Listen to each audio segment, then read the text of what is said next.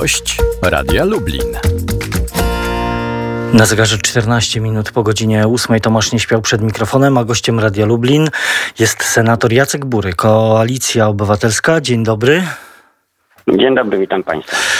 Panie senatorze, dziś rząd ma przyjąć nową wersję tarczy, tarczy antykryzysowej. Opiera się ona na pięciu filarach. Y, obrona przed utratą miejsc pracy, wsparcie dla służby zdrowia, bezpieczeństwo systemu finansowego, wsparcie dla przedsiębiorców i inwestycji publicznych. Kilka dni temu pan publicznie wyraził zdecydowane poparcie dla działań zmierzających do wdrożenia w życie mechanizmów osłonowych dla polskiej gospodarki. To cytat tego publicznego pana stanowiska w tej sprawie. Proces kształtowania tego projektu jest jeszcze otwarty. Czego w nim e, Pana zdaniem brakuje? Mam wrażenie, że to, co proponuje rząd, idzie w dobrym kierunku i z tego się cieszę, że próbujemy pomóc e, też przedsiębiorcom, bo przedsiębiorcy tworzą miejsca pracy. Miejsca pracy są tym, co jest w tej chwili najcenniejsze, bo jeżeli ludzie zaczną tracić pracę, zaczną e, mo, e, tracić możliwość zarobkowania, to pociągnie to swego rodzaju łańcuszek. Takie klocki z domina się poprzewracają i można powiedzieć, że no, większość ludzi wie, jaką mam fryzurę, nie chodzę do fryzjera, ale nie jest dla mnie obojętne, czy fryzjerzy upadną, czy nie upadną, bo jeżeli fryzjer upadnie, nie będzie miał pieniędzy, to nie kupi następnych usług, które ktoś może zaoferować. Nie kupi nawet e, benzyny, czy, czy nie kupi owoców, nie kupi chleba i inni też będą mieli problemy z tym, żeby e, swoje budżety dopiąć. Więc obrona miejsc pracy jest kluczowa w tej chwili i rząd powinien się na tym skoncentrować. Pan senator od wielu lat jest e, przedsiębiorcą, działa też w różnych e, branżach, e, transport, edukacja, handel. No i dziś pan doskonale wie, że każdy dzień to są konkretne straty dla przedsiębiorców, dla firm, to dla ich rodzin. To są bardzo duże straty. W tej chwili najbardziej cierpią ci, którzy są pod zakazem wykonywania działalności, czyli na przykład restauracje, tego typu wszystkie firmy, które związane są z e, imprezami eventowymi. E, tutaj jest dużo, dużo firm będących w galeriach, które też ucierpiały. Galerie przecież zostały zamknięte. Tak jak już wspomniałem, fryzjerzy, kosmetyczki, tego typu wszystkie działalności, nawet stomatolodzy. Ludzie boją się chodzić, nie wychodzą do stomatologów. Jest to problem dla, dla wielu przedsiębiorstw, takich mikro i, i małych przedsiębiorstw. Ja chciałem powiedzieć, że w Polsce jest w tej chwili e, w tych mikro, małych i średnich przedsiębiorstwach zatrudniane około 10 milionów osób albo pracujących na samozatrudnieniu. I te osoby mają potężne problemy. E, rząd powinien wyciągnąć rękę, powinien te branże, które w tej chwili są objęte zakazem, zdecydowanie zwolnić z płacenia na przykład ZUS-u.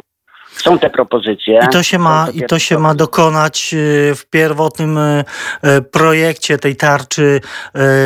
Mowa była o odroczeniu płatności, potem padła propozycja prezydenta o zniesieniu tego obowiązku. Pytanie, czy to oczywiście wystarczy? Te propozycje zniesienia składek ZUS-u myśmy w Senacie procedowali już ponad dwa tygodnie temu. E, wtedy koledzy z PiSu się strasznie oburzali, jak my możemy takie rzeczy proponować. No w tej chwili proponuje to rząd i bardzo cieszę się, że skorzystał z tych naszych podpowiedzi.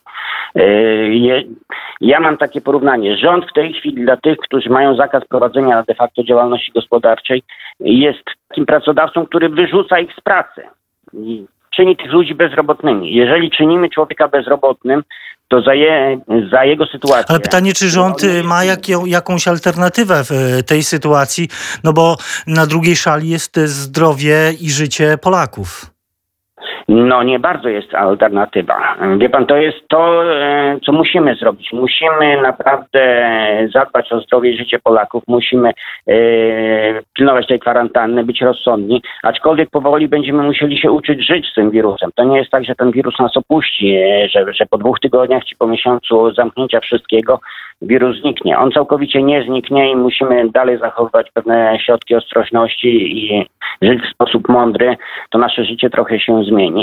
E, ale musimy zadbać też o gospodarkę. Jeżeli nie zadbamy o gospodarkę, to e, jak to ktoś powiedział, więcej będzie samobójstw e, po koronawirusie niż ludzi zabije koronawirus. Taka jest prawda. I tutaj nie możemy sobie pozwolić na to, żebyśmy utracili te miejsca pracy.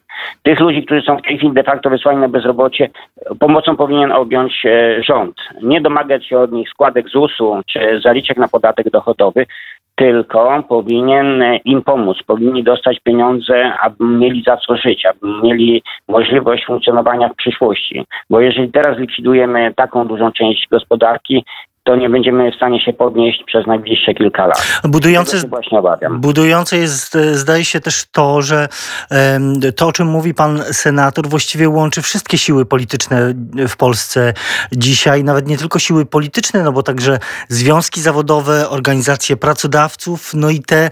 No ja się cieszę, że do, dorośliśmy do tego, że ludzie widzą, iż bardzo potrzebne jest e, wsparcie dla tych, którzy tworzą PKB. E, ja zaczynam zauważyć e, też takie bardzo pozytywne podejście pracowników, którzy e, dbają o swoje firmy, walczą o swoje firmy, znaczy o swoje firmy, w sensie firmy, w których pracują. Widzą, że jeżeli to miejsce pracy upadnie, to oni też nie będą mieli za miesiąc, dwa wypłaty i nie będą mieli z czego żyć. Naprawdę jesteśmy wszyscy połączeni ze sobą, jak ktoś kolokwialnie mówi, jedziemy na jednym wózku i musimy o ten wózek zadbać. To jest polska gospodarka. Nikt nam nie pomoże, jeżeli sami sobie nie pomożemy. Podstawą jest wsparcie, jak pan powiedział, tych y, najmniejszych, małych y, firm, czasem y, jednoosobowych. Te proponowane rozwiązania właściwie w niewielkim albo w, w, w bardzo, bardzo ograniczonym zakresie odnoszą się do dużych przedsiębiorstw to znaczy, że giganty polskiej gospodarki mimo tego kryzysu sobie poradzą? Czy, czy w tej tarczy jednak powinna znaleźć się jakaś większa ochrona dla dużych, strategicznie ważnych dla rozwoju kraju, konkretnych regionów e, firm? Znaczy, duże firmy mają zazwyczaj trochę większe zasoby i operują na innym rynku. Duże firmy, często są to firmy jakieś produkcyjne mm, albo sieci, powiedzmy. One Ale duże firmy to mogą być też e, duże straty mogą być duże straty. Nie ma tak dużej firmy, która by nie mogła upaść. E, takie jest moje zdanie, chociaż niektórzy twierdzą inaczej.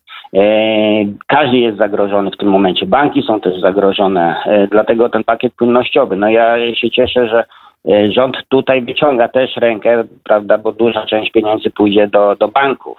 E, trochę jest to takie moim zdaniem przekłamanie, że jest to e, pomoc e, państwa, dlatego że to są tylko gwarancje bankowe. W tym pakiecie 212 miliardów, tam gro, ponad chyba 150 miliardów, to będą pieniądze przeznaczone dla banków na podtrzymanie płynności.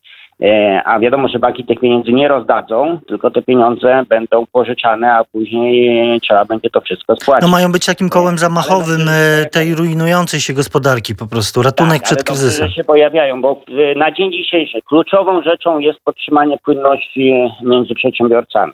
Jeżeli nie będzie płynności, czyli jeżeli jakaś firma zawiśnie innej firmie pieniądze, no to pociągnie za sobą kolejną i kolejną i kolejną. Musimy podtrzymać płynność. To jest kluczowe na najbliższe dwa miesiące.